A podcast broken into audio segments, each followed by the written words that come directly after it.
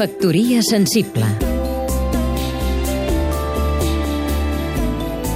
Rafel Vallbona, escriptor i periodista El paisatge és el rostre del país i a través d'ell accedim a la seva ànima, diu el director de l'Observatori del Paisatge de Catalunya, en Joan Noguer, el número de la revista Papers de vi dedicat a la barema, el moment més esclatant del paisatge del vi.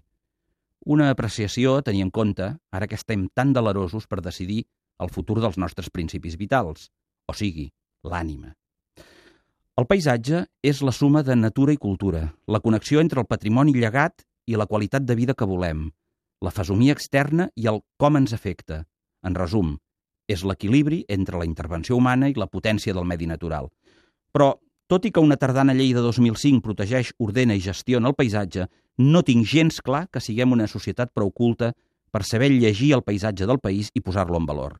Un urbanisme depredador, impulsat per molts ajuntaments, l'abandó d'amplis territoris i uns conreus no sempre idonis, han malmès moltes de les peculiaritats pròpies del rostre del país fins fer-lo impossible de reconèixer. I amb ell, el nostre propi caràcter, la nostra manera de ser.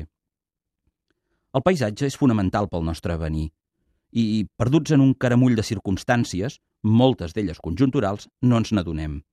Com n'és de fàcil dir que Barcelona és un parc temàtic de turistes quan nosaltres mateixos hem convertit part del país, de la Cerdanya al Montseny i de l'Empordà al Baix Camp, en un pati del darrere sense rostre ni ànima.